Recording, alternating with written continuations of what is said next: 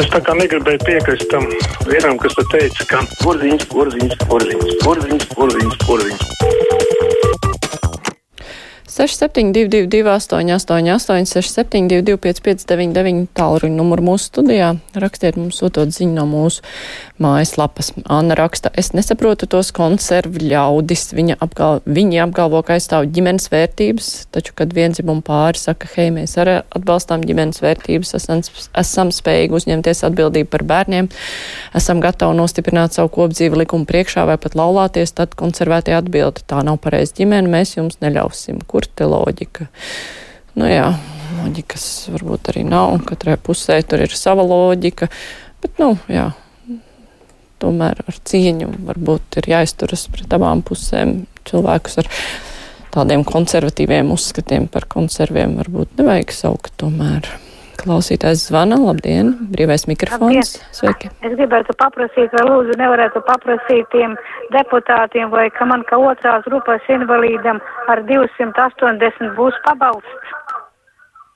Jā, nu runāsim par atbalsta veidiem raidījumā. Es gan nezinu, vai, vai deputāti varēs tā arī atbildēt. Varbūt labklājības ministrs varēs precīzāk zināt. Ceļu klausulu brīvais mikrofons. Labdien! Halo, esat ēterā? Slēdzu laukā, neviens nerunā. Liena raksta, Krievija karā zaudē daudz vairāk savējos nekā Ukrainas puse, tāpēc Krievija Krievija mākslīgi palēlina bojā gājušo skaitu Ukrainas pusē aiz kauna par savu sakāvi. Mākslīgi viņi to statistiku piedzer nogalinot mierīgos Ukraiņu iedzīvotājus. Nu jā, diemžēl praksē tā arī izrādās, lai cik tas nebūtu šausmīgi. Klausītājs zvana, brīvais mikrofons, labdien! Labdien! Mani uztrauc tāda lieta, kā varēja pieņemt tādu likumu saimā, kad uzvaras dienu varēs atzīmēt 200 metrus no pieminekļiem, kas ir šī saistībā. Es domāju, ka tas ir vismuļķīgākais, ko varēja pieņemt. Tad jau iznāk tā, ka, teiksim, slokas ielas un uzvaras bulvāra krustojumā, kas noteikti ir apmēram 200 metri no pieminekļa, bet tu to ļoti labi var redzēt, var savus svinības rīkot. Ja reiz aizliedza, tad vajadzēja aizliegt vispār. Latvijā 9. māju nesvinam. Nevis ar tik muļķīgu iegunu 200 metru, man tas nav saprotams. Nu, taisnība jau jums ir, citreiz pietrūks tāda skaidra pateikšana, ka to mēs tad atļaujam un to mēs te neatļaujam. Mēs tā mazliet tā kā lavierējam, bet, nu jā, ir jau kaut kādas, nu ir jau, nu, nav tāda ārkārtīgi skaidra robeža, tad, eh, kur sākas un beidzas vārdu un pulcēšanās brīvība, kur cilvēki var iet uz tiesu un pēc tam teikt, o, mums te vispār neļauj pulcēties, nu, tā kā ir jāargumentē.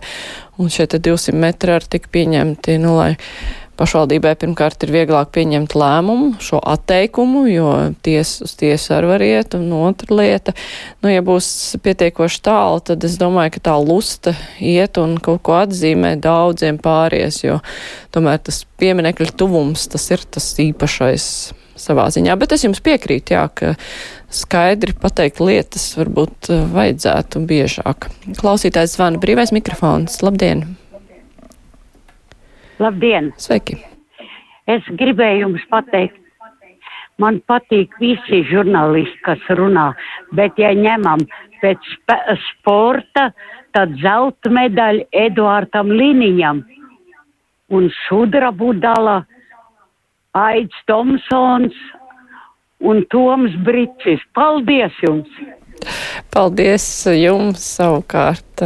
Prieks dzirdēt tāds jauks medaļu sadalījums. Tā klausītāji ieraksta visu rītu problēmas ar radio klausīšanos caur Latvijas radio viens internetā. Nedarbojas atskaņošanas iespēja.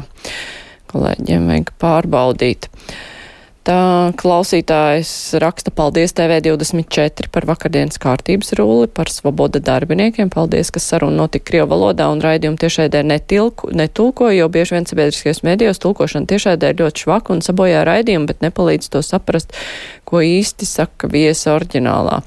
Nu, tā ir tulkošana, apgrūtina klausīšanos. Mēs te Latvijas radio, mums nav iespēja titrēt, jo jūs mūs klausāties, un tad nekas cits neatliek, kā runāt pa virsu, jo nu, katrs cilvēks saprot krievu valodu vai angļu valodu vai kādā nu, valodā tā intervija ir.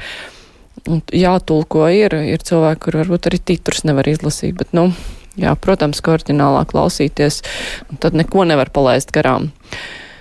Klausītājs Par 9. māju raksta Latvijas rādio, kāpēc nesaka, ka šogad 9. mājas Latvijā izsludināt par sēru dienu, kurā pieminēs Ukraiņus, kas gājuši bojā karā, kas pašlaik notiek un visi izklaides pasākumi ir aizliegti. Un tur ir, šogad jau ir liels pasākumu kopums. Uh, tur ir vairāk ierobežojumu, nu, lai nepieļautu tos balagānus 9. maijā. Ilze vaicā, kāpēc svētdienās lielveikali un lielie veikali nav slēgti Latvijā, vai cilvēkiem svētdienās nav jāatpūšas un jāvēlt laiks ģimenei? Būtu gan, bet, nu, pretestība ir pret slēgšanu. Viesturs savukārt raksta, ka atbalsta karogu brauciens Krievijai, Vācijā, Grieķijā un citās valstīs Viņš par raksta, ka viņš klausītājs uzskata, ka tādi braucieni notikt nedrīkst. Pirmoreiz brīdinājumam jābūt, otrais anulēt uzturēšanās atļauju, 14 dienās jādodas uz etnisko dzimteni, nu cik var tolerēt dzīvos vācu pabalstiem un slavina cilvēkēdājus, kur ir loģika. Jā, ir brīnums, kāpēc kaut kas tāds tiek atļauts. Tā klausītājs Vilnis raksta Dombura raidījumā iespiedās atmiņā viens viņa teiciens, vai tik Latvijas atteikšanās no Krievijas gāzes nebūs dārgākā visā Eiropā. Jācer, ka tomēr nebūs. Nu, gan jau nebūs. Vismaz es jā, ceru, ka tā nebūs. Tā savukārt Agrita raksta, nezinu, kā ir Krievijā, laikam tur ģimenes vērtības tiek izmantotas tikai populismam, bet patiesībā Krievijai nospļauties uz ģimenēm un saviem 18-gadīgajiem zaldātiem dzīvību, un ģimene šai valstī nav vērtība. Arī mums reizēm tādi populisti netrī, netrūkst, kuri tikai žigli kustina mēli, bet ar darbiem ir aizkrāsnē, tāpēc tos ģimenes vērtības kandidātājus neņemu par pilnu. Nu, tas, ka Krievijai jā, nekādā vērtē nav tās cilvēki, ne citu valstu cilvēki, tas jau ir pamanī, redzams jau. Un ne jau tikai tagad, un diemžēl un, ir arī viena tā daļa Krievijas sabiedrības, kuri kuriem arī acīm redzot ģimenes vērtības, ne kādas ģimenes vērtības, cilvēka vērtības, cilvēka dzīvības vērtība neko nenozīmē, ja viņi ir paši gatavi iet un slaktēt cilvēkus citā zemē un vēl aizsūtīt uz mājām salaupītās mantas. Ceļu klausulu brīvais mikrofons. Labdien! Halo, labdien! Sveicināti! Zarus sakarā ar alternatīvo saules enerģiju. E, ir ļoti daudz mājasaimniecības, teiksim, kurām ienākumi ir 1000, 1300 eiro mēnesī.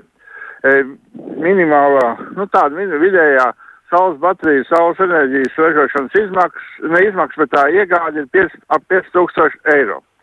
E, tad uh, ņemot aizņēmumu, teiksim, uz pieciem gadiem, tur ir 100 eiro pāri 120 eiro ir atmaksa.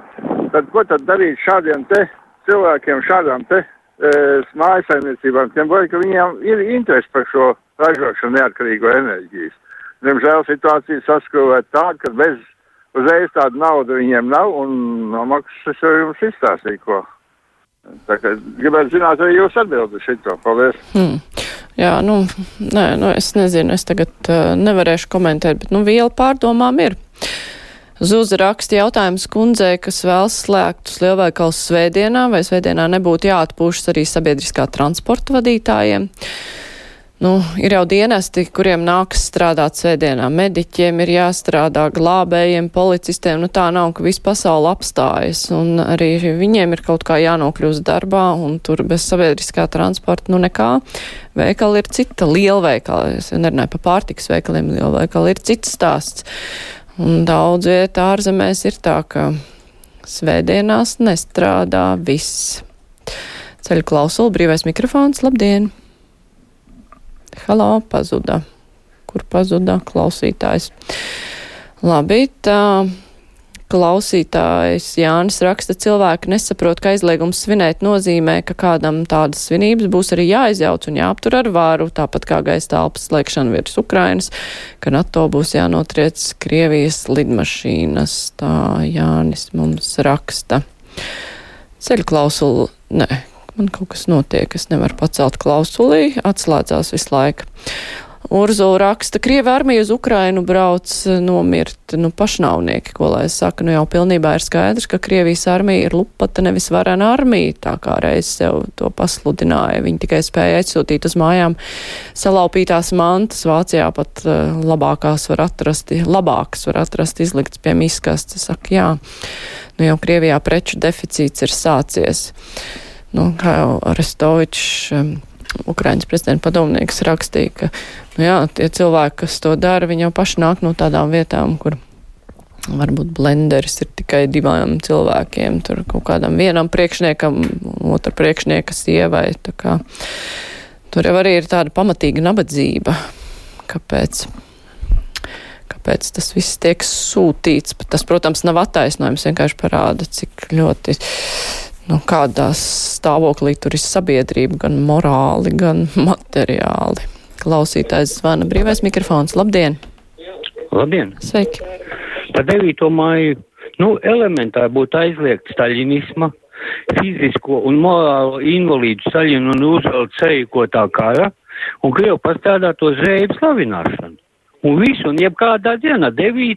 8. maijā, vispār 8. maija svinēšana, tas tā ir 9. maija svinēšana, tikai liekulība parādīt kaut kādu. Paldies! Mm -hmm. Paldies par komentāru. Tā. Klausītāja Monika raksta, tiek pārkāpta satversme, kāpēc Latvijas prezidentam izbraucot ārpus valsts netiek sabiedriskie mēdī netiek sabiedriskajos mēdījos paziņots, kas tiek nozīmēts viņa vietā. Saimas spīkera arī par to neziņo. Hmm. Mums jau ir ļoti precīzi noteikts, e, kurš e, nāk tā kā saimas, e, kurš valsts prezidenta aizvieto, ka viņš ir aizbraucis. Tā ir saimas priekšsēdētāja. Tur jau nav daudz jāizziņo nekas. Brīvais mikrofons. Labdien! Labdien! Man ir jautājums, kāpēc Krievijas pensionāriem viņa pensijas nevarētu izmaksāt rubļos. Hmm. Jā, nu, bet uh, no otras puses, kam tas ir vajadzīgs tagad meklēt rubļus, uh, lai viņiem maksātu?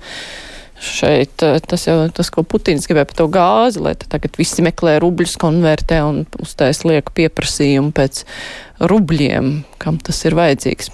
Paldies, klausītāji, par to, ka zvanījāt, par to, ka rakstījāt. Brīvais mikrofons ar to arī beidzas, bet mēs eh, pēc ziņām vienos ar politiķiem runāsim par iedzīvotāju atbalstīšanu dzīves dārdzības dēļ.